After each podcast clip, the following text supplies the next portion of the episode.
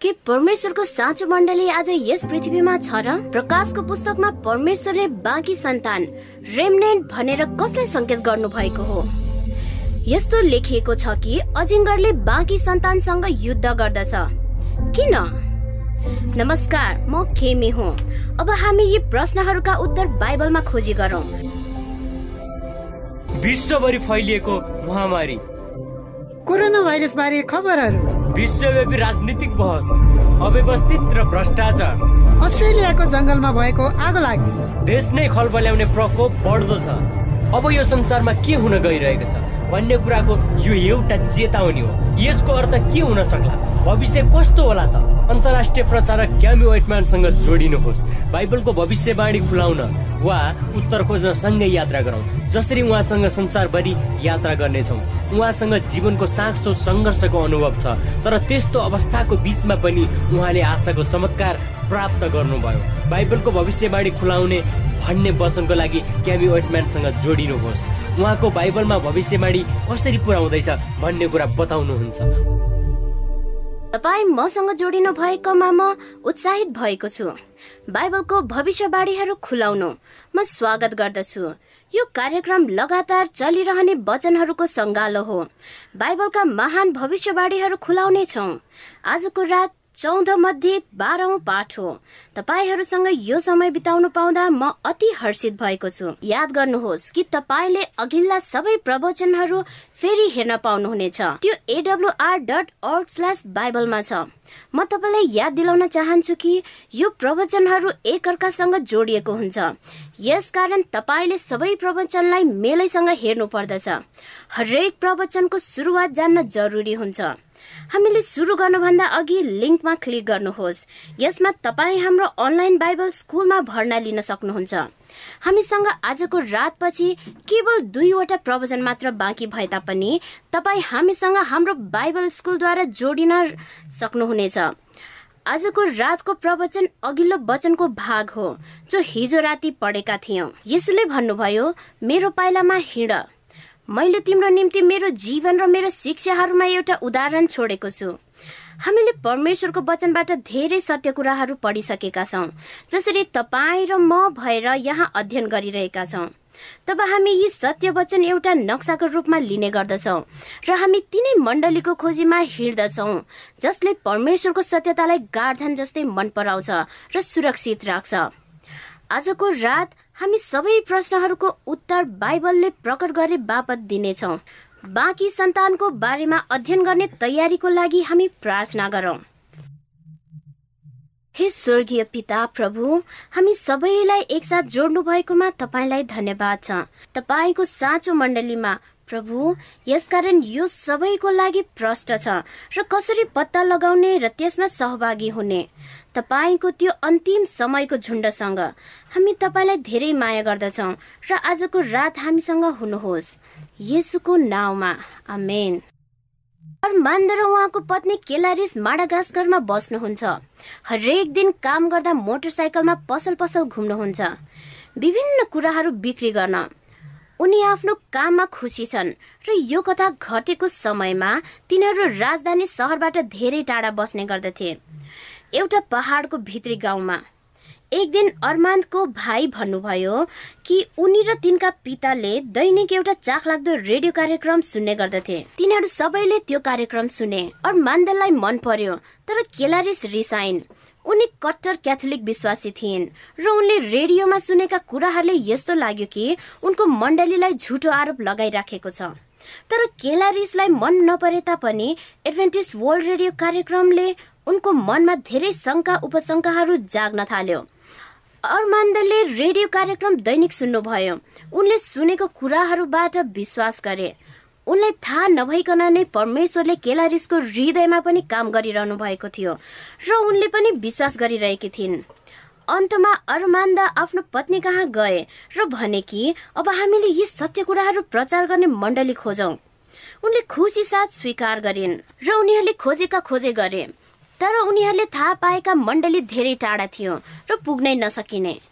तब एक दिन अर्मान्दलाई कसैले सुनाए एउटा मण्डलीको बारेमा जो छेउको गाउँमा थियो। तिनीहरू त्यहाँ हेर्नका लागि गए र एउटा समूह शनिबार सङ्गति गर्ने भेट्टाए जस्तो रेडियोले भनेको थियो। बिस्तारै पूर्ण परिवार हरेक सभामा सङ्गति गर्न जान्थे। पछि सबै परिवारले बत्तिसमा लिए सेभेन एडभेन्टिस्ट मण्डलीमा। अरू र केलारिस जस्तै त्यहाँ लाखौं मानिसहरू छन् जसले केही खोजिरहेका छन् जसलाई तिनीहरूले विश्वास गर्न सक्थे। धेरैले संसारमा भएका सबै कुराहरू प्रयास गरिसकेका छन्। धन सम्पत्ति मान सम्मान शक्ति आनन्द र मनोरञ्जन। तर पनि तिनीहरूले आफूमा खालीपन महसुस गर्दछन्। यसकारण तिनीहरूको चाह केवल मण्डली मात्र होइन तर परमेश्वरसँग र उहाँको सत्यतामा हिँड्नु हो। के परमेश्वरको मण्डली आज यस पृथ्वीमा छ जो बाइबलमा मात्र आधारित रहेर चलेको छ? हालको घटेको घटना कोभिड नाइन्टिन जस्तो र संसारभरि भइरहेको हुलदङ्गाले गर्दा सायद तपाईँलाई बाइबलका सत्य कुरा जान्न आतुरी लागेको होला। र परमेश्वरको मण्डली कसरी पत्ता लगाउने? तर तपाईँले साँचो मण्डली कसरी पत्ता लगाउने? जबकि त्यहाँ सयौं विभिन्न मण्डली सम्प्रदायहरू छन् यो संसारमा। प्राय सबैले परमेश्वरको साँचो मण्डली हो भनी भन्दछन् र सबै कतिपय कुराहरूमा उस्ता उस्तै देखिन्छन्। यस कुरामा तपाईँलाई जीवनभरि लाग्छ यी सबै सम्प्रदायहरूको शिक्षाहरू केलाउँदै जान। यो धेरै भारी निराश र निरर्थक भएको जस्तो लाग्छ।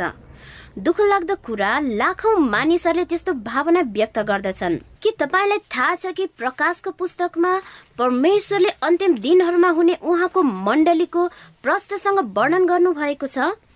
उहाँले भन्नुभएको कुरा जब तपाईँलाई थाहा हुन्छ तब तपाईँले सजिलैसँग बाँकी सबै मण्डलीहरूबाट उहाँको साँचो मण्डली रोज्न सक्नुहुन्छ। अब हामी हाम्रो उद्देश्यलाई फेरि पढौँ। यदि यो बाइबलमा छ भने म विश्वास गर्दछु। बाइबलसँग सहमत गर्दैन भने यो मेरो लागि होइन। जब मानिसहरूले प्रकाशको पुस्तक अध्ययन गर्न थाले उहाँलाई थाहा थियो कि परमेश्वरको मण्डलीको बारेमा त्यहाँ वर्णन गरिएको छ। उसले कल्पना गरे जति हरेक युक्तिहरू अप्नाए र हामीलाई गम्भीर भएर अध्ययन गर्नदेखि वञ्चित गर्दछ। यदि सबैले प्रकाशलाई बुझ्ने हो भने सैतानको राज्य तुरुन्तै जोखिममा पर्नेछ र परमेश्वरको महान नाउँ र उहाँको मण्डलीमाथि उचालिनेछ र महिमित हुनेछ। जब परमेश्वरले हामीलाई बनाउनु भयो तब उहाँले हाम्रो मनमा जन्मजात गहिरो तृष्णा राखिदिनु भयो जब तपाईँ पछि फर्केर हेर्नुहुन्छ इसा इतिहासको माध्यमद्वारा परमेश्वरले जहिले पनि उहाँको निम्ति मानिसहरू खडा गर्नु भएको छ र त्यो पुस्तालाई परमेश्वरको सत्य कुरा प्रचार गर्दछ। पुरानो नियममा परमेश्वरले आफ्नो मानिसहरूलाई भन्नुहुन्छ कि तुरहीको जस्तो स्वर हुनु पर्दछ ठुलो स्वरले उहाँको नाउँ र उहाँको सत्य कुरा प्रचार गर्न। यसै अन्ठाउन्नको एकमा जस्तै। हामीले यसलाई लुकाइराख्ने होइन। कसरी शक्तिशाली परमेश्वरले मानिसहरूद्वारा कार्यहरू गर्नु भएको छ? जसले उहाँको वचन सुन्दछ। जब मानिसहरू सत्य कुराको निम्ति खडा हुन्छन् तिनीहरू धेरै पुरस्कृत भएका छन्। एउटा मनपर्ने व्यक्तिको बारेमा हेरौँ। यहुसुको कथा र यरिहो सहर लडेको। त्यो कथा यहोसु छको एकदेखि सत्ताइसमा छ। यो कथाले प्रष्टसँग देखाएको छ। परमेश्वरको अलौकिक शक्ति। जब उहाँको मानिसहरूले उहाँको निर्देशन पालना गरे त्यो यरियो सहर आक्रमण गर्ने रणनीति विशिष्ट थियो र जसको अगुवाई परमेश्वर आफैले गर्नु भएको थियो। यसको मूल मन्त्र यही थियो कि यहुसुले परमेश्वरको निर्देशनलाई पालना गरेका थिए। यरियो सहरको पर्खाल त्यो इलाकामा सबैभन्दा बलियो थियो। अलिसानको राजदरबार र बहुमूल्य मन्दिर अनैतिकता र मूर्ति पूजाले भरिएको देश। यी सबै परमेश्वरको अवहेलना हुने कुराहरू हुन्। तब ख्रिस्ट यहसु कहाँ देखा पर्नुभयो र त्यहाँ प्रवेश नै गर्न नसकिने सहरलाई विजयको प्रतिज्ञा दिनुभयो? ईश्वरीय ठाडो आदेशको पालना गर्दा यहुसुले सेनाको तह तह गरेर बाँड्नुभयो। तिनीहरूलाई आदेश दिएको थियो कि कसैले आक्रमण नगरोस्। तिनीहरूले अपेक्षा नगरेका कुरा गर्न परमेश्वरको योजना थियो। निर्दोष तरिकाको सञ्चालन थियो। उहाँको तरिका जहिले पनि असल हुन्छ र तिनीहरू कहिले पनि हाम्रो हुँदैनन्। अन्तिममा जब मानिसहरू चिच्याउन थाले तब त्यो विशाल पर्खाल तुरुन्तै ढल्यो र परमेश्वरको आज्ञामा भरोसाले विजय ल्याउँदछ। हामीले सिक्न जरुरी छ कि हाम्रो यरियो सहरप्रति विजय हासिल गर्न सकिन्छ। जब हामी विश्वासयोग्य रहयौं भने सेनाको दृष्टिकोणमा हेर्ने हो भने यरियो सहरलाई आक्रमण गर्न असम्भव थियो। केवल वरिपरि घुमेर र तुरै बजाएर तर हामीले परमेश्वरको उद्देश्य वा निर्देशन प्रति प्रश्न गर्न कहिले आवश्यक पर्दैन। हाम्रो विश्वास हुनु पर्दछ कि परमेश्वर जसले जे भन्नुहुन्छ उहाँ त्यही हुनुहुन्छ। सधैँ पुरा गर्नु भएको छ र सधैँ पुरा गर्नुहुनेछ। यरियो सहरको पर्खाल ढल्यो किनभने परमेश्वरले त्यो भन्नुभएको थियो। परमेश्वरको प्रतिज्ञा उत्तिकै प्रभावकारी आज पनि छ साथी हो। हामी केवल परमेश्वरको इच्छामा एउटा औजार बन्न सक्नेछौ। जसरी नोवाले सुने र परमेश्वरको निर्देशन पालना गरे र एक सय बिस वर्षसम्म हिँडे त्यो उहाँको अत्याधिक धैर्य र समर्पण देखिन्छ। नोवाले परमेश्वरसँगको मित्रतामा भरोसा गर्दथे र अन्तमा यही कुराले गर्दा उनको मुक्ति भयो। यसुले लुका सत्रको छब्बिस पदमा भन्नुहुन्छ नोवाको दिनहरूमा भएको जस्तै मानिसको पुत्रको दिनमा पनि त्यस्तै हुनेछ र त्यो समय यसुको दोस्रो आगमनको ठिक अगाडि हुनेछ नोवाको दिनहरूको जस्तै हुनेछ। नुहाको दिनमा त्यहाँ उम्कने कतिवटा बाटोहरू थिए। केवल एउटा। उत्पत्ति सातको एकले भन्दछ तब परमेश्वरले नोवालाई भन्नुभयो जहाजमा आओ तिमी र तिम्रा सबै परिवारहरू। किनभने तिमीहरू धर्मी हौ भन्ने मैले देखेको छु। मेरो अघि यो पुस्ताभरिको नोवाको दिनमा केवल आठ जनाले परमेश्वरको मार्गलाई अप्नाए र जहाजमा सुरक्षित हुन आए। अन्तको दिनहरूमा बाइबलले भन्दछ कि सुरक्षा दिने जहाज परमेश्वरको साँचो मण्डली हो जो परमेश्वरको सत्यतामा उभिन्छन्। मत्ती सातको तेह्रदेखि सोह्र पदहरूले भन्दछन् सागु र ढोकाबाट पस किनभने ढोका फराकिलो छ र बाटो चौडा छ जसले विनाशमा पुर्याउँछ र त्यहाँबाट भएर जाने धेरै हुनेछन्। किनभने सागु र ढोका र बाटो कठिन छ जसले जीवनमा पुर्याउँछ र त्यहाँ थोरै हुनेछन् त्यहाँ पुग्नेहरू। झुटा अगमवक्ताहरूदेखि होसियार बस जो भेडाको भेषमा तिमीहरू कहाँ आउनेछन्? तर भित्री रूपले तिनीहरू डरलाग्दा बुवासाहरू हुन्। तिनीहरूका फलबाट तिमीले उनीहरूलाई चिन्नेछौ पावलले यसुको कतिवटा मण्डलीहरू छन् भनेर भन्नुभएको छ। एफिसीको चारको पाँच पदले भन्दछ। एउटा प्रभु एउटा विश्वास एउटा बप्तिस्मा। संसारको अन्तिम घडीमा यसो आउनुभन्दा अघि दुईवटा समूह छुट्टिनेछन् एउटा समूह मानिसका प्रख्यात कुराहरू पालना गर्दछन् र अर्को समूह परमेश्वरको जीवित वचन पालना गर्ने हुनेछन् एफिसी पाँचको पच्चिसदेखि सत्ताइस पदले भन्दछ पति हो आफ्नो पत्नीलाई प्रेम गर। जसरी ख्रिस्टले पनि आफ्नो मण्डलीलाई प्रेम गर्नुहुन्छ र त्यसको लागि आफूलाई दिनुभयो। तब उहाँले पवित्र र शुद्ध पार्न सक्नुहुनेछ। तब उहाँले एउटा महिमित मण्डली प्रस्तुत गर्न सक्नुहुनेछ। एउटा पनि दाग वा चाउरी नपरेको वा त्यसको कुनै खोट नभएको। तर त्यो शुद्ध र दाग रहित हुनु पर्दछ नयाँ नियमको समयमा पत्रुसले साहस सहित प्रचार गर्नुभयो र पेन्टिकोसको दिनमा तीन हजार मानिसहरूले बत्तिसमा लिए। पहिलो पत्रुस दुईको नौले भन्दछ तर तिमीहरू चुनिएका वंश हौ। एउटा राजकीय पुजारी एउटा पवित्र जाति उहाँको निजी प्रजा हौ ताकि तिमीहरू उहाँको घोषणा गर्न सक। उहाँले तिमीहरूलाई अन्धकारदेखि उहाँको उदयको ज्योतिमा ल्याउनु भयो। परमेश्वरको पवित्र जातिहरूको पहिचान नै आज्ञाकारिता हो। तिनीहरूले उहाँलाई धेरै प्रेम गरेकोले आज्ञाकारी भए। यो समूह बाँकी झुण्डबाट अलग गरिएको हो। आज्ञा पालना गर्ने समूह भएको कारण परमेश्वरले तिनीहरूलाई अन्धकारबाट ज्योतिमा ल्याउनु भयो असत्यबाट सत्यमा ल्याउनु भयो आज्ञा उल्लङ्घन गर्नेहरूबाट आज्ञा पालना गर्ने बनाउनु भयो उहाँसँगको गहिरो सम्बन्धमा डोर्याउनु भयो तिनीहरू आश्चर्य हुनेछन्। अब नयाँ सत्य पालना गर्दा के मैले विगतमा विश्वास गरेका सबै इन्कार गर्नु पर्दछ त? पक्कै होइन। ती विगतका कुराहरूलाई हेरेर भन्नुहोस्। म परमेश्वरलाई धन्यवाद दिन्छु। प्रत्येक मण्डलीसँग केही सत्य छ। परमेश्वरबाट पाएको केही ज्ञान छ। जबकि हामी पनि विगतका कुरादेखि धन्यवाद हुनुपर्दछ। परमेश्वरले आज हामीलाई दिनुभएको सबै सत्य कुरा पालना गर्न समर्पित हुनुपर्दछ। जब केही मानिसहरूले यस प्रकार धेरै प्रवचनहरू सुन्ने गर्दछन् र तिनीहरूले नयाँ सत्यता सिक्छन् तब तिनीहरू धेरै सङ्घर्ष अनुभव गर्दछन्। तिनीहरूले परमेश्वरको वचनबाट नयाँ सत्यता पत्ता लगाउनु हुनेछ र त्यसले विवाद उत्पन्न गराउँछ। किनभने यसले तिनीहरूमा परिवर्तनको माग गर्दछ। तिनीहरूको दिमागमा एउटा युद्ध हुन्छ। तिनीहरू आश्चर्य हुनेछन्। अब नयाँ सत्य पालना गर्दा के मैले विगतमा विश्वास गरेका सबै इन्कार गर्नु पर्दछ त? पक्कै होइन। इमान्दार इसाईहरूको के हुन्छ जो अन्य मण्डलीमा छन्? योहन्ना दसको सोह्र र सत्ताइसले भन्छ मेरा अरू पनि भेडाहरू छन् जो यस बगालमा छैनन्। तिनीहरूलाई पनि मैले ल्याउनु छ र तिनीहरूले मेरो स्वर सुन्नेछन् र त्यहाँ एउटै बगाल र एउटै गोठालो हुनेछ। मेरा भेडाहरूले मेरो स्वर सुन्नेछन् र म तिनीहरूलाई चिन्दछु र तिनीहरूले मलाई पछ्याउनेछन्। यहाँ यसो एउटै बगालको एउटै असल गोठालोको रूपमा चित्रण गरिएको छ। उहाँको मानिसहरू उहाँको बहुमूल्य भेडाहरू हुन्।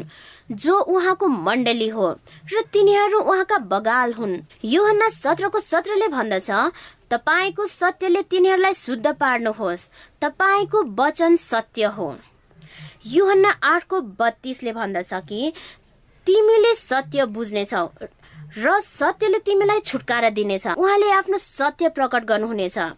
तर यदि म आफ्नै विचारमा बाँधिएर आएको छु भने वा मेरो विश्वासलाई प्रमाणित गर्न मात्र मेरो इच्छा हो भने त्यसो हो भने सत्यलाई थप बुझ्न र उहाँको इच्छा थाहा पाउन म असमर्थ हुनेछु। मैले पढेको उहाँको वचनमा मेरो आफ्नै विचारले प्रभाव पार्नेछ। हामीले प्रार्थना गर्नुपर्दछ प्रभु मलाई सत्य देखाउनुहोस्। प्रकाशको पुस्तकले परमेश्वरको विश्वासयोग्य मानिसहरूको वर्णन गरेको छ जसले कुनै मूल्य चुकाउनु परे तापनि सत्यता कायम राख्नेछ। प्रकाश बाह्र अध्यायले बाइबलको अरू कुनै पदले भन्दा यसले इसाई मण्डलीको इतिहास प्रष्टसँग वर्णन गरेको छ। एउटा चलचित्र जस्तै यसले हामीलाई युगम युगदेखिको परमेश्वरको योजना र मानिसहरू देखाइएको छ। सैतानको क्रूर आक्रमणको साथसाथै यसले शङ्काको कुनै ठाउँ नराखिकन हामीलाई प्रकट गर्दछ। यो मानिसहरूको खास समूह जसलाई परमेश्वरको मण्डली भनिन्छ त्यसलाई चिन्ने गुणहरू हुन्। प्रकाशको बाह्र अध्यायबाट बाइबलले एउटा स्त्रीको वर्णन गर्न सुरु गर्दछ। एउटा स्त्री ख्रिस्टको दुलही जो स्वर्गमा देखा पर्दछ। एउटा स्त्रीको बारेमा हामीले सिक्यौँ। जसले बाइबल भविष्यवाणीमा मण्डलीको प्रतिनिधित्व गर्दछ प्रकाशको बाह्रको नौ पदले भन्दछ त्यो ठुलो अजिङ्गर तल फालियो। त्यो प्राचीन सर्प जो सारा संसारलाई बहकाउने दियाबलस वा सैतान हो त्यो तल पृथ्वीमा फ्याँकियो र त्यसका दूतहरू त्यसका साथसाथै फ्याँकिए। प्रकाश बाह्र अध्यायमा भएको कथालाई हेर्नेछौँ। स्वर्गको परमेश्वरको विरुद्ध सैतानले विद्रोह गर्दछ। तर ख्रिस्ट विजय हुनुहुन्छ र सैतान पराजय। परमेश्वर विजय हुनुहुन्छ भन्ने कुरा निम्न पदहरूमा हेर्नेछौ। प्रकाश बाह्रको चार र पाँचमा त्यसको पुच्छरले स्वर्गको एक तिहाई ताराहरूलाई सोरेर तल पृथ्वीमा फालिदिँदछ। त्यो अजिङ्गर स्त्रीको सामुने खडा थियो जसले बालक जन्माउन लागेकी थिए। बालक जन्माउन साथ त्यसलाई निलिहालौँ भनी खडा भयो। त्यसले एउटा छोरो जन्माए जसले सारा जातिलाई फलामको डन्डाले शासन गर्नेछ। त्यसको बालक परमेश्वर कहाँ उठाइएर उहाँको सिंहासनमा लगियो? यसो नै यो छोरा हुनुहुन्छ जसलाई सैतानले नष्ट गर्न प्रयास गरेको थियो। हेरोदको माध्यमद्वारा सैतानले योसेफ र मरियमलाई स्वर्गका स्वर्गदूतहरूले अग्रिम सचेत गराएका थिए र तिनीहरू मिश्रमा भागेर गए र परमेश्वरले तिनीहरूको सुरक्षा गर्नुभयो। हेरोद रोमको शासक थिए जसलाई सैतानले बाल्यावस्थामा नै यसुलाई हत्या गर्ने कोसिस गरेका थिए। सुरुवातदेखि नै सैतानको मनसाए संसारलाई धोका दिनु थियो। प्रकाश बाह्रको दसदेखि बाह्रमा के उल्लेख गरेको छ? आउनुहोस् हेरौँ। तब मैले स्वर्गमा यसो भनिरहेको एउटा ठुलो आवाज सुने। अब हाम्रा परमेश्वरको मुक्ति शक्ति राज्य र उहाँका ख्रिस्टको अधिकार आएको छ। किनकि हाम्रा भाइहरूलाई दोष लगाउने जसले हाम्रा परमेश्वरको सामुन्ने तिनीहरूलाई दिनरात दोष लगाउँछ त्यो तल फ्याँकिएको छ। तिनीहरूले थुमाको रगत र आफ्नो गवाईको वचनको कारण त्यसलाई जितेका छन् र तिनीहरूले मृत्यु समय पनि आफ्नो ज्यानको माया राखेनन्। यसकारण हे स्वर्गमा रहनेहरू तिमीहरू रमाओ। तर पृथ्वी र समुद्रलाई धिक्कार छ। किनभने आफ्नो समय अल्प छ भनी थाहा पाएर दियाबलस ठुलो क्रोध तिमीहरू कहाँ तल आएको छ? सैतान आरोप लगाउने तलब फालिएको छ। परमेश्वरको बाँकी सन्तानले यसुको थुमाको रगतद्वारा विजय पाए। सैतान क्रोधित भएको छ। उसले भद्र मानिस जस्तो व्यवहार गर्छ भन्ने आशा नगरौँ। सैतान कट्टर दुश्मन हो। वर्षौपछि उजाड स्थानमा सैतान यसुलाई परीक्षामा पार्न ज्योतिको स्वर्गदूत जस्तै देखा परेको थियो। उहाँलाई नष्ट गर्ने आशा थियो। मत्ती चारमा प्राप्त सम्पूर्ण अनुभवद्वारा र मलाई खुसी लाग्छ कि यसु सब कुरामा स्थिर रहनुभयो। उहाँले आफ्नो महिमामा भन्नुभयो यो लेखिएको छ। तिमीले तिम्रो प्रभु परमेश्वरको आराधना गर्नेछौ र उहाँलाई मात्र तिमीले सेवा गर्नेछौ। म आदेश दिँदछु त सैतान मबाट दूर हटिजा। त्यो विशाल अजिङ्गर अस्वीकार र मौन भयो। यो शाही निष्कासनको सामना गर्न ऊ शक्तिहीन भयो। येसुसँग यो शक्ति र साहस छ। किनभने उनी स्वर्गीय पितासँग प्रार्थनाद्वारा मिलापमा रहनुहुन्छ र वचन पढ्नुहुन्छ। सैतानको विरुद्ध ढाल जस्तै गरी उहाँले हामीलाई एउटा असल उदाहरण दिनुहुन्छ कि हामीले के गर्नु पर्दछ एफएसी छको दस र एघार पदले भन्दछ अन्तमा प्रभुमा बलवान हौ र उहाँको विशाल शक्तिमा परमेश्वरको सबै हात हतियार उठाओ ताकि तिमी खडा हुन सक्नेछौ। सैतानको सबै युक्तिहरूको विरुद्धमा। सैतानले यसुलाई क्रुसमै नष्ट गर्ने प्रयास गरेको थियो तर हाम्रो प्रभु फेरि विजय हुनुभयो। यसुको अन्तिम शब्द थियो पिता तपाईँको हातमा मेरो आत्मा दिदछु र त्यसपछि उहाँले ठुलो सास फेर्नुहुन्छ। एउटा विजयको आवाज जस्तै उहाँले खराउनुहुन्छ ती शब्दहरू पहाडतिर गुन्जिन्छन्। अब सिद्धियो। यसो विजय साथ मर्नुभयो। त्यहाँ मेघ गर्जनको आवाज र सूर्य अस्ताउन लागेको थियो। अन्धकार एउटा कालो ऊन जस्तै बाक्लो थियो जुन यस पृथ्वीमा आउँदछ र अन्तमा यस पृथ्वीले खप्न सक्ने सबै थोक खपिसकेको जस्तो लाग्दछ। एउटा भयभाव भूकम्पले जमिन हल्लायो। यसले उहाँको विजयको पूर्व चित्रण गर्नुभएको थियो। तर सैतानले कहिले पनि यो घुमौरो षड्यन्त्रलाई पूर्वानुमान गर्न सकेन। यो न बाह्रको एकतिसदेखि बत्तीस पदले भन्दछ अहिले यो संसारको न्याय अब यस पृथ्वीको राजकुमार सैतान बाहिर फालिनेछ। यस संसारको शासक र उसका सैद्धान्तिक नीतिहरू सबै बाहिर फालिन आँटेको छ। सैतान अब खच्किरहेको छ। तर कसरी? त्यो कसरी हुन्छ त? के त्यो गराउनमा बल प्रयोग हुन्छ? के त्यो ठुलो शक्तिद्वारा हुनेछ? पद बत्तीस। यसो भन्नुहुन्छ यदि म उठाइ लगिए भने म सबै मानिसहरूलाई आफूतिर खिच्नेछु। जब मानिसहरूले क्रुसलाई हेर्दछन् तिनीहरूले प्रेम पाउनेछन्। जसले तिनीहरूको मन तिनीहरूको मुक्तिदातातिर फर्काउनेछ।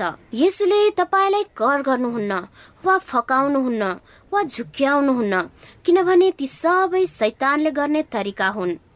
यसुले सरल र पूर्ण रूपले तपाईँलाई माया गर्नुहुन्छ। आफ्नो जीवन दिएर उहाँले त्यो युद्ध जित्नु भयो उहाँ चिहानमा जानुभयो र मरेकाहरूबाट बौरी उठ्नुभयो। यसो हाम्रो एकल मुक्तिदाता हुनुहुन्छ। उहाँको मात्र चिहानमाथि अधिकार छ। यसुको मुक्तिको उद्देश्य पुरा भयो र उहाँ स्वर्ग जानुभयो। यसुको स्वर्गारोहण पछि सैतानले उसको रिस यसुको चेलाहरूमाथि खनाएको थियो। उसले आफ्नो शैली परिवर्तन गर्नु पर्यो यसकारण दुष्टले जानी जानी चेलाहरूको खेदो गर्दछ जब तिनीहरूले सुसमाचार प्रचार गर्दछन्। सबै तर ती मध्ये एकजना चाहिँ चेला शहीद भए। तर चिन्ता छैन तिनीहरूको इनाम ठुलो छ स्वर्गमा। सैतानले यसुलाई नष्ट गर्नु नसके पनि उसले आफ्नो रिस आफ्नो ध्यान अर्कैतिर लगायो र मण्डलीलाई निरन्तर आक्रमण गरिरह्यो। जसले सेतो कपडा लाएकी शुद्ध स्त्रीको प्रतिनिधित्व गर्दछ। तपाईँलाई थाहा छ कि केवल सैतानले मात्र छल गर्दैन तर उसले पूर्ण रूपले नष्ट गर्ने सोचेको थियो। उसले सतावट र निर्दय साथ आक्रमण गर्दछ। ख्रिस्टको हरेक चेलाहरूमाथि। आज सैतानको हजारौं माध्यमहरू छन् जसद्वारा इसाईहरूलाई परीक्षामा पार्दछ। पारिवारिक कलहद्वारा दुर्व्यसनहरूद्वारा निराशाहरूद्वारा एक्लोपनहरूद्वारा वा उसले तिनीहरूलाई अल्मल्याउने काम वा व्यस्त गराउँदछ। तब तिनीहरूको येसुसँगको सङ्गति गर्ने कुनै पनि समय रहँदैन जो तिनीहरूलाई विजय दिलाउने जीवनको स्रोत हुनुहुन्छ। कन्स्टान्टिनले राजाको पालामा धर्म र राजनीति एकजुट गर्यो। केही समयको लागि मण्डलीले राज्यवाटको सहयोग र असामान्य रूपमा ख्याति पाएर धेरै नै आनन्दित भए। जब राज्य र मण्डली मिलापको हात बढाए तब सैतानले आक्रमण गर्यो र त्यो अवसर पनि खोज्यो। र निडर भएर परमेश्वरको साँचो विश्वासीहरूलाई सताउन थाल्यो। त्यसो भए आज प्रकाश बाह्रको छले हामीलाई भन्दछ। त्यो स्त्री चाहिँ उजाड स्थानभित्र भागे जहाँ एक हजार दुई सय साठी दिनसम्म त्यसको पालन पोषण होस् भनेर। भविष्यवाणीको एक दिनको अर्थ एक वर्ष हुँदछ। इजिकेल चारको छमा लेखिएको छ प्रत्येक वर्षको लागि एक दिन तोकेको छु। गन्ती चौधको चौतिसमा लेखिएको छ यसकारण दिनको एक वर्ष गरी चालिस वर्षसम्म तिमीहरूले आफ्नो अधर्मको फल भोग्दै रहनेछौ। एक हजार दुई सय साठी वर्षसम्म सतावट खेपिरहेका थिए। यस पृथ्वीको इतिहासमा केवल यही यस्तो समय रहेको छ कि जसले यो सम्बन्धित संख्या वर्षहरूको प्रतिनिधित्व गर्दछ। मत्ती चौबिसको एक्काइसले भन्दछ किनकि त्यस बेला यस्तो महासङ्कष्ट हुनेछ जो जगतको सुरुदेखि अहिलेसम्म भएको छैन। न त फेरि कहिले हुनेछ। यसैया उनासाठीको उन्नाइसमा दिएको प्रतिज्ञा मलाई मन पर्दछ कि जब शत्रुहरू उर्लदो बाढ जस्तै आउँछन् जसलाई परमेश्वरको सासले हाँकेर ल्याउँछ। हामीले यसुलाई विश्वासमा कायम राखौँ ताकि सबै दुष्टहरूको सामना गर्न सक्नेछौँ। इतिहासको यही समयमा हामी हेर्न सक्दछौँ कि प्रख्यात मण्डलीहरू र राज्य अब पनि मिलेका छन्। परमेश्वरका विश्वासयोग्य पुरुषहरू र महिलाहरू सबैले परमेश्वरको सत्य वचनलाई पालना गरिरहे जब तिनीहरू लुकी बसे। उजाड स्थानको अर्थ पृथ्वीको मरुभूमि र सुनसान स्थानहरू हो। परमेश्वरका मानिसहरू आफ्नो जीवनको लागि भागे र सुरक्षित हुन सुनसान स्थानमा लुकी बसे। परमेश्वरको मण्डलीले बाहिर सेवाकाई गर्न साहस गरेनन्। नभएदेखि तिनीहरूको सदस्यहरू कोही पनि बाँच्ने थिएनन्। परमेश्वरले हामीलाई चेतावनी दिनुहुन्छ कि उहाँको साँचो मण्डली एउटा संस्थाको रूपमा खुला भएर चलेको थिएन। यही एक हजार दुई सय साठी वर्षहरूमा।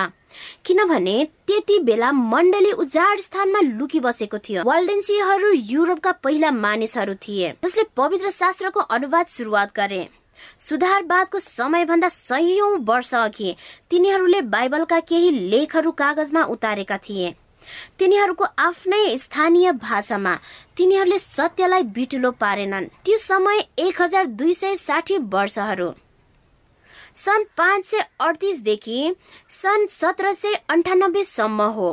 त्यो समय सन् पाँच सय अडतिसबाट सुरु भयो जब पोपको शक्ति इसाई जगतमा महान बनेर गयो। र जस्टेनियन रोमको शासकको पत्रको कारण जुन पत्रले रोमको बिसपको नाउँ उल्लेख गरेको छ कि उनी सबै मण्डलीहरूका प्रमुख हुन्। यही कुख्यात पत्र जस्टेनियनको कानुन बन्यो। यही पछि गएर साम्राज्यको मौलिक कानुन बन्यो। यो इसाईहरूको कष्टकर समय सन् सत्र सय अन्ठानब्बेमा अन्त भयो। नेपोलियनको सेनापति बर्थियरले पोपलाई बन्दी बनाए। इतिहासले भन्दछ कि पाँच करोड इसाईहरूको मृत्यु भएको थियो। सन् पन्ध्र सय बाह्रदेखि सन् पन्ध्र सय सत्रसम्ममा पाँचौं लाटरन मण्डली परिषदमा मण्डलीको प्रमुख एवं पुष्यले ख्याल गरे कि कोही पनि मतभेदकर्ताहरू कोही पनि खडा हुन सकेनन्। रोम तन्त्र र सुधारवादको किताबमा पुस्सीले पोपलाई भने कि सम्पूर्ण मण्डलीहरूको समूह अब एउटै प्रमुखमा निहित छन्। अबदेखि कसैले पनि विरोध वा आपत्ति गर्ने छैनन्। कार्डिनलहरूको वाक्यमा नै विडम्बना छ कि केही समयपछि अक्टोबर एकतिस पन्ध्र सय सत्रमा मार्टिन लुथरले पन्चानब्बेवटा विषयवस्तुलाई झुन्ड्याए।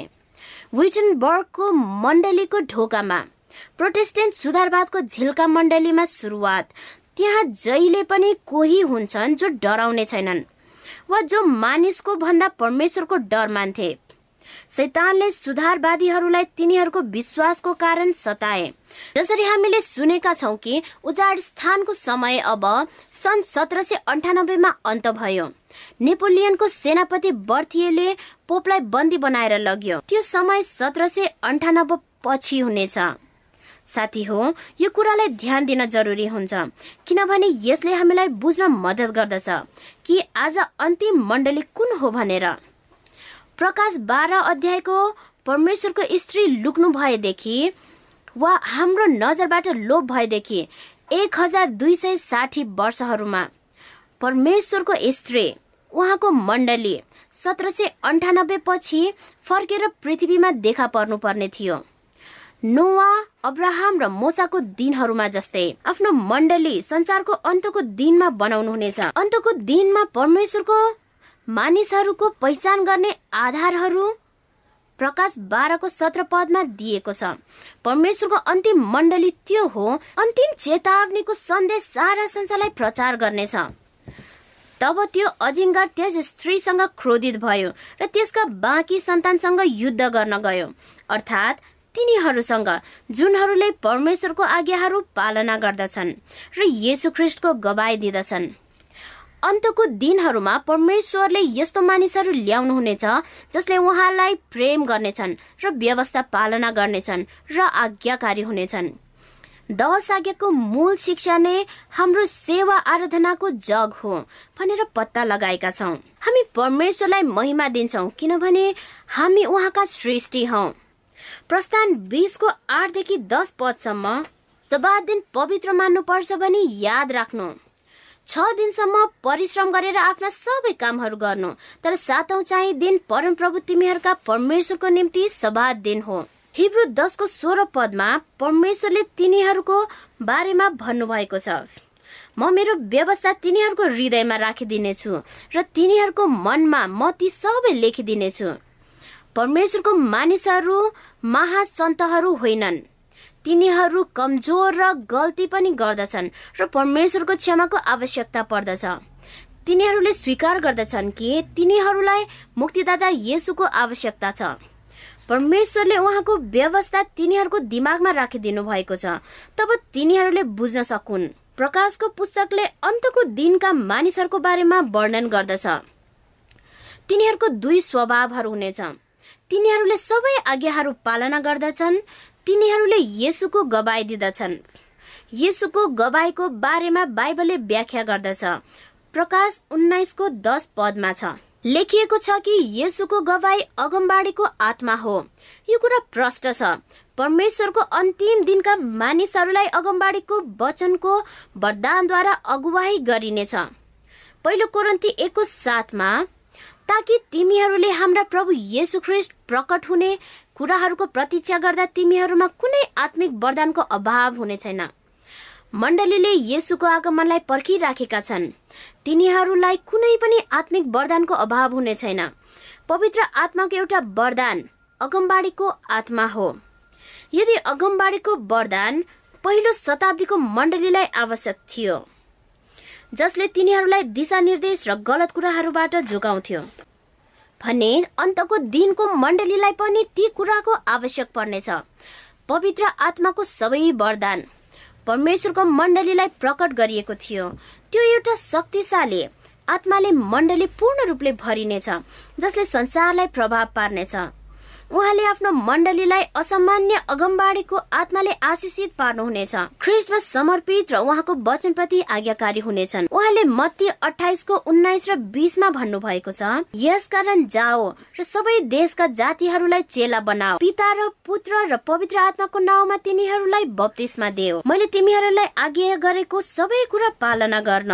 तिनीहरूलाई सिकाऊ हेर म युगको अन्त्यसम्म सधैँ तिमीहरूका साथमा छु। हरेक युगमा परमेश्वरको मानिसहरूले उहाँको अनुग्रहको गवाई दिनेछन्। तिनीहरूले आफ्नो जीवन समर्पित गर्नेछन् र आज्ञाकारी भएर उहाँलाई पछ्याउँदै बत्तिसमा लिनेछन्। प्रकाश चौधको छमा अन्तको दिनको अभियान बारे वर्णन गर्दछ। अनि अर्को स्वर्गदूतलाई मध्य आकाशमा उडिरहेको मैले देखे। पृथ्वीमा रहने हरेक जाति कुल भाषा र मानिसलाई घोषणा गर्ने अनन्त सुसमाचार तिनीसँग थियो। तिनले चर्को स्वरमा भने परमेश्वरसँग डराओ र उहाँलाई महिमा देऊ किनकि उहाँको इन्साफको घडी आएको छ। स्वर्ग पृथ्वी समुद्र र पानीका मूलहरू बनाउनु हुनेलाई दण्डवत गर। दण्डवत गर। साथी हो यो एउटा सानो संस्था बिनाको अभियान होइन। यो एउटा विश्वव्यापी संसारभरिको अभियान जसले ठुलो स्वरले सुसमाचार प्रचार गर्नेछन्। परमेश्वरसँग डराउ भन्नुको अर्थ थरथर काँप्नु होइन। यसको अर्थ सम्मान गर्नु र आदर गर्नु हो।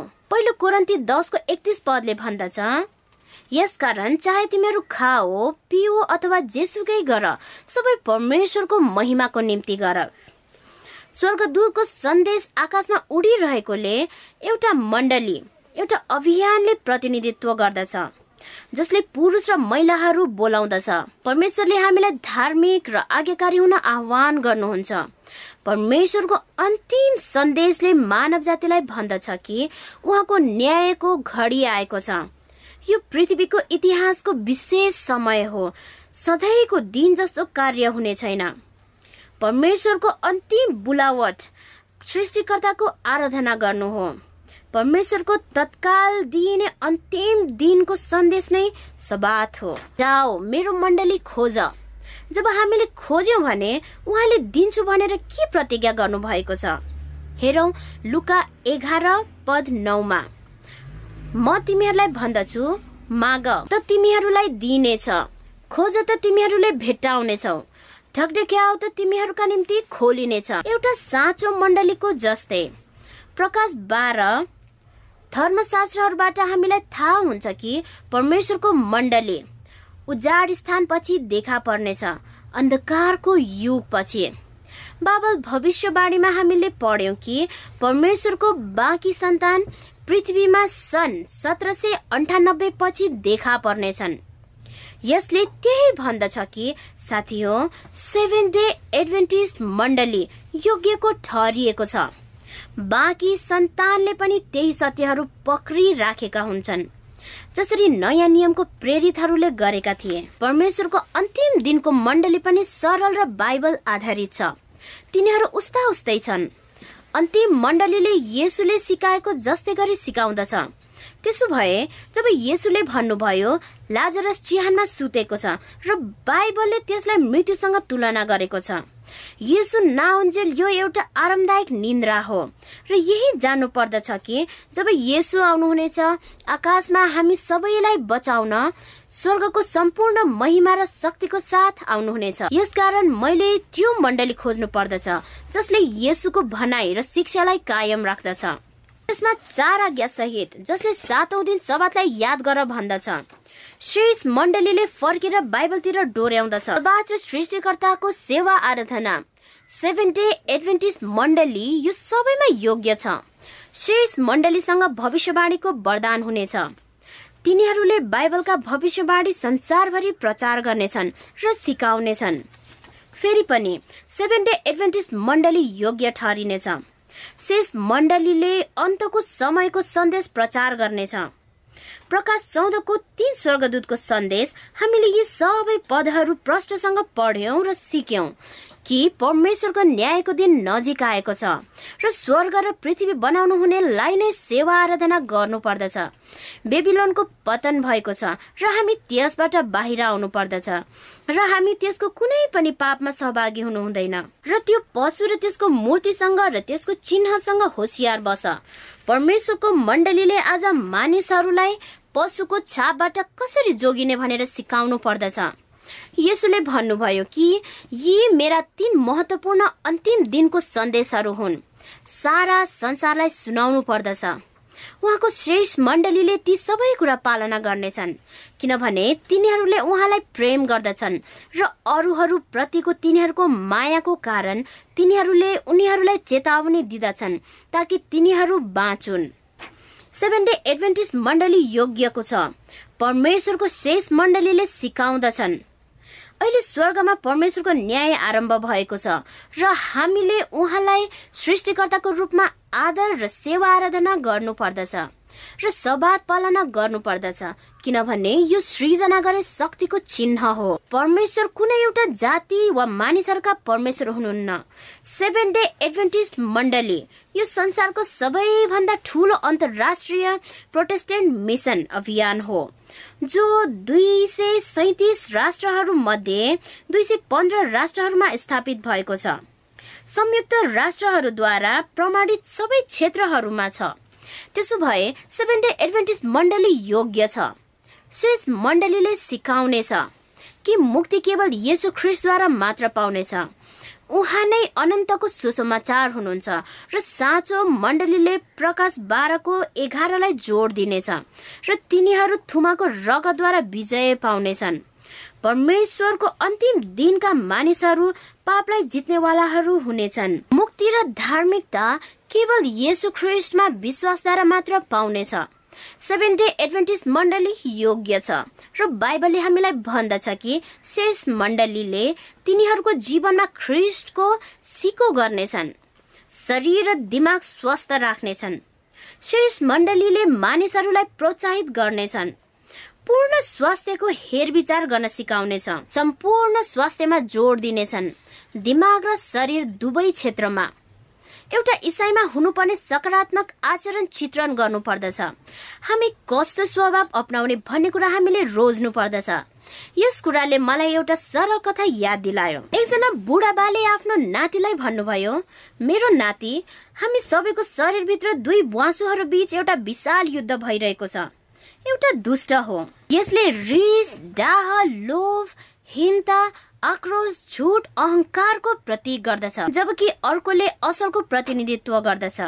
त्यो शान्ति प्रेम आनन्द आशा मानवता दया सहानुभूति र सत्य हो। त्यो सानो केटोले आफ्नो शिर उहाँको हातमा राख्यो र केही बेरसम्म विचार गर्न लाग्यो। त्यसपछि उसले सोध्यो हजुर बुवा कुन बुवासोले जित्छ?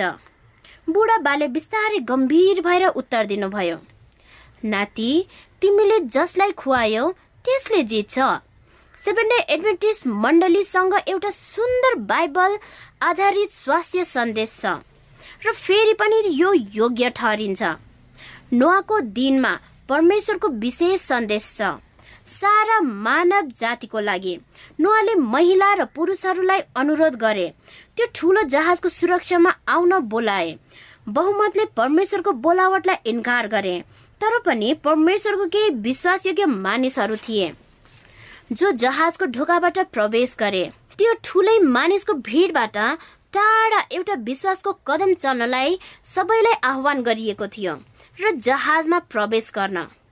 आज परमेश्वर प्रति आज्ञाकारी बन्ने बोलावट आएको छ र त्यो जहाजको सुरक्षामा प्रवेश गर्नुहोस् जुन उहाँको मण्डली हो। तिम्रो पापको पश्चाताप गर संसारबाट बाहिर आओ भनेर नोवाले प्रचार गरे। जहाजभित्र पस न्याय आएको छ अब अन्त हुन गइरहेको छ। शेष मण्डलीले प्रचार गरिरहेको छ। तिम्रो पापको पश्चाताप गर बेबिलोनबाट बाहिर आओ र भाग। जहाजभित्र पस जुन साँचो मण्डली हो। न्याय हामीमा आएको छ। यीशु आउँदै हुनुहुन्छ। सेभेन डे एडभेन्टिस्ट अभियान मात्र एकल मण्डली हो जसले अन्तको दिनको सन्देश प्रचार गर्दछ। उहाँको तीन स्वर्गदूतको सन्देश पूर्ण रूपले यो अनन्तको सन्देश हो। पशुको छाप र परमेश्वरको छोराछोरीहरूलाई बोलावट बेबिलोनबाट आउने चेतावनी पूर्ण रूपमा दिइएको छ।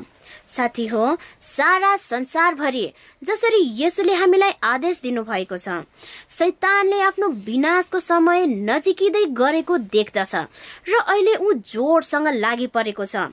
आफ्नो सबै कार्यकर्ताहरूद्वारा उसले संसारको स्नेह पाउनलाई प्रयास गरिरहेको छ। प्रकाश तेह्रको पशु जस्तै। धेरै भन्दा नि धेरै झन्डै संसारका सबै त्यो पशुदेखि छक्क परेको छ। सैतानले आज के चाहेको थियो भने कि परमेश्वरको यो लोकमा कुनै पनि ठाउँ नरहोस् ताकि यसुको कुनै पनि अधिकार नरहोस् र उहाँ पृथ्वीमा आई आफ्नो मानिसलाई बचाउन नपाउनुहोस्। नोवाले गरे चाहिँ हामी पनि परमेश्वरको सबै सत्य कुरामा खडा हुनु पर्दछ हामी एउटै हाँसोको पात्र बन्नु परे तापनि र अन्य जातिहरूले ठट्टा र ईर्ष्या गरे तापनि। परमेश्वरको शेष मण्डली भएको कारण जीवन प्रार्थना र बाइबल अध्ययनको जीवन हुनु पर्दछ र सबैलाई साक्षी दिनु पर्दछ। हामीलाई एउटा विश्वासीहरूको पुस्ता चाहिएको छ जो सुसमाचारसँग लजाउँदैन। तीन स्वर्गदूतको सन्देश। सबै कुराभन्दा माथि परमेश्वरको पवित्र वचनमा स्थापित रहेको छ। हामीलाई एउटा पुस्ता चाहिएको छ जसले मुक्तिको प्रचार गर्नेछ जो केवल यसुमा मात्र पाइन्छ। हामीले सही बुझ्नु पर्दछ कि प्रार्थनामा कति शक्ति छ भनेर। यो एउटा लडाई लडेको जस्तै हो। यसुसँगको हाम्रो वार्तालाप भनेको हाम्रो हात हतियार हाम्रो ढाल हो जो यस महान विवादको लडाईँमा चाहिन्छ। प्रार्थनामा घुँडा टेकी हामीले त्यो लडाई लड्न सिक्नु पर्दछ। यसुसँग हाम्रो व्यक्तिगत सम्बन्ध कायम राख्न जरुरी हुन्छ जसले हामीलाई अब आउने हरेक परीक्षाद्वारा पार लगाउनु हुनेछ यसुको असल चित्रण गर्न हामीले भर मकदुर प्रयास गरौँ र उहाँको मुक्तिको वचन अहिले नै सबैलाई बाँडौँ नुहाको दिनमा झै मानिसहरूले बुझ्नु पर्दछ कि त्यहाँ दुईवटा बाटो मात्र छ। कि परमेश्वरको मार्ग रोज्ने र जहाजको सुरक्षामा प्रवेश गर्ने प्रख्यात मानिसहरूको मार्गलाई रोज्ने र अनन्तको विनाशमा बगेर जाने। मानिसहरूले अवश्य प्रश्नसँग बुझ्नु पर्दछ यो दुईवटा मार्गको बारेमा। बाइबल हो वा मानवको संस्कार हो? यो असल र खराबको लडाई हो। बाइबलले भन्दछ कसले जित्छ? राजा येसुले उत्पत्तिदेखि प्रकाशसम्म परमेश्वरसँग मानवताको सानो प्रतिशत मात्र रहेको छ। यस विषयमा सोच्नुहोस्। एउटा शेष मण्डली जसले उहाँको आदेशलाई पूर्ण रूपले र सम्पूर्ण हृदयले पालना गर्दछ। यस कुरालाई याद गर्नुहोस्। नोआ जहाजमा प्रवेश गर्दा अल्पमत नै थिए तर उनी जब जहाजबाट बाहिर आए तब बहुमतको रूपमा आए। हाम्रो येसुले उहाँको असामान्य शक्ति सित्तैमा दिनुहुन्छ। येसुको शक्तिद्वारा हामी कहिले पनि हार्ने छैनौँ। सैतानको क्रोधले हामीलाई असर गर्ने छैन। ऊ त एउटा हारेको दुश्मन हो। स्वर्गमा लडाई हुँदा ऊ हारेको थियो र उसलाई तल फालिएको थियो। येसु ख्रिस्ट क्रुसमा हुँदा सैतान हारेको थियो र उसले आफ्नो अधिकार गुमायो। ऊ कानुनी रूपले हार्नेछ उसको सबै मुद्दामा। जब महान र अन्तिम न्याय हुनेछ ऊ फेरि पनि हार्नेछ जब उसले पवित्र सहरलाई आक्रमण गर्नेछ। अन्तमा उसले हार बेहोर्नु पर्नेछ यस पृथ्वीबाट पूर्ण रूपले निकाला गरिएको थियो। अग्निमय तालमा उसले आफ्नो भाग्यको प्रतिफल पाउनुभन्दा अघि परमेश्वरको शत्रुले संसारलाई सचेत गराएको मन पर्दैन। सैतान उत्तेजित भएर पर्खाल निर्माण गर्दछ र सुसमाचार प्रचार गर्ने बाटोमा रोग लगाइदिन्छ। साथी हो तपाईँलाई कसैले वा कुनै कुराले छेक्न नसकोस्। यो प्रवचनको अवधिमा तपाईँलाई सहभागी हुन वा अध्ययन गर्न सैतान एउटा गर्जने सिंह जस्तै हो। उसको समय छोटो छ भन्ने थाहा पाएर उसले हामीलाई हरेक थोकबाट निराश पार्दछ। तर यी पर्खालहरू सिमानाहरू अवरोधहरू र बाधाहरू ढलेर जानेछ। यरिहोको पर्खाल जस्तै गरी जब हामी येसुको शक्तिलाई पुकार्दछौ। मेरो प्रिय साथी हो परमेश्वर तपाईँको अगुवा हुनुहुन्छ भने त्यहाँ कुनै पर्खाल रहने छैन। कुनै सिमाना र कुनै सीमा जसद्वारा उहाँले तपाईँलाई मद्दत गर्न सक्नुहुने छैन। मेरा साथीहरू हामीलाई थाहा छ कि क्रुसमा चढ्नु हुने त्यहाँ केवल एउटा मात्र सिद्ध येसु हुनुहुन्थ्यो। एउटा खाले चिहान। यसले खुल्ला रूपमा भन्नुभएको छ कि उहाँको बहुमूल्य भेडाहरू छन् जो यस बगालमा छैनन्। तर जब तिनीहरूले उहाँको सत्य कुराले बोलाउँदै गरेको सुन्नेछन् तिनीहरूले उहाँको बाटो अप्नाउनेछन्। हामी अहिले यस्तो समय तालिकामा छौँ। हामी यो संसार टुक्रिँदै गरेको देख्दैछौ। परमेश्वरको भविष्यवाणीहरू पुरा हुँदै गरेको। जब परीक्षाको समय आउँछ जसले परमेश्वरको वचनलाई जीवनको मार्गदर्शक बनाएको छ तिनीहरूलाई गर्मीको समयमा प्रष्ट देख्नेछौ। त्यहाँ त्यस्तो ठुलो भिन्नता हुन्न सधैँ हरियो रहने रुख र अन्य रुखहरूमा तर जब कसिएर जाडोको समय आउँदछ सधैँ हरियो रहने रुख हरियो नै रहन्छ। जबकि अन्य रुखहरूका सबै पातहरू झरिहाल्छन्। जब सतावट सुरु हुन्छ भने दोमन भएका र पाखण्डीहरू काप्नेछन् र विश्वास त्याग्नेछन्। तर असल इसाईहरू चट्टान जस्तै खडा रहनेछन्। उहाँको विश्वास दह्रो छ। उसको आशा प्रशस्तताको दिनभन्दा पनि चहकिलो हुनेछ। यर्मिया छको सोह्रमा परमेश्वर यसो भन्नुहुन्छ दो बाटोमा उभिएर हेर प्राचीन मार्गहरूका विषयमा सोध। असल मार्ग कहाँ छ त्यो सोध र त्यसैमा हिँड र तिमीहरूले आफ्नो प्राणको निम्ति विश्राम पाउनेछौ। यसकारण यदि तपाईँ आज त्यो दो बाटोमा उभिनु भएको हुनुहुन्छ भने के तपाईँ बेबिलोनबाट बाहिर परमेश्वरको मार्गमा हिँड्न चाहनुहुन्न? मसँग प्रार्थना गर्नुहोस्। हे स्वर्गीय पिता म प्रार्थना गरिरहेको छु कि आज हरेक मानिसहरूको जीवनमा एउटा विशेष जागृति आओस्। प्रभु तपाईँले तिनीहरूले बोलाइरहनु भएको सुन्नुहुनेछ। मेरो जीवन लिनुहोस् र तपाईँको होस्। म तपाईँको जिम्मामा दिँदछु र जब हरेक कुराहरू हाम्रै वरिपरि बिग्रेको देख्दछौ हरेक कुराहरू जसलाई हामीले चिन्दथ्यौँ तपाईँ परमेश्वरको कारण हामी एक्लो छैनौँ भनी जान्दछौ। तपाईँ हामीहरूको साथ सधैँ विश्वास योग्य हुनु भएको छ। प्रभु हरेक उत्तरको निम्ति बाइबलमा जान मलाई मद्दत गर्नुहोस्।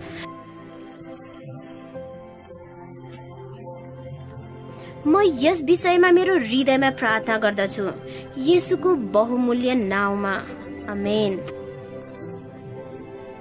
साथीहरू के पवित्र आत्माले तपाईँको हृदयमा काम गरिरहनु भएको छ?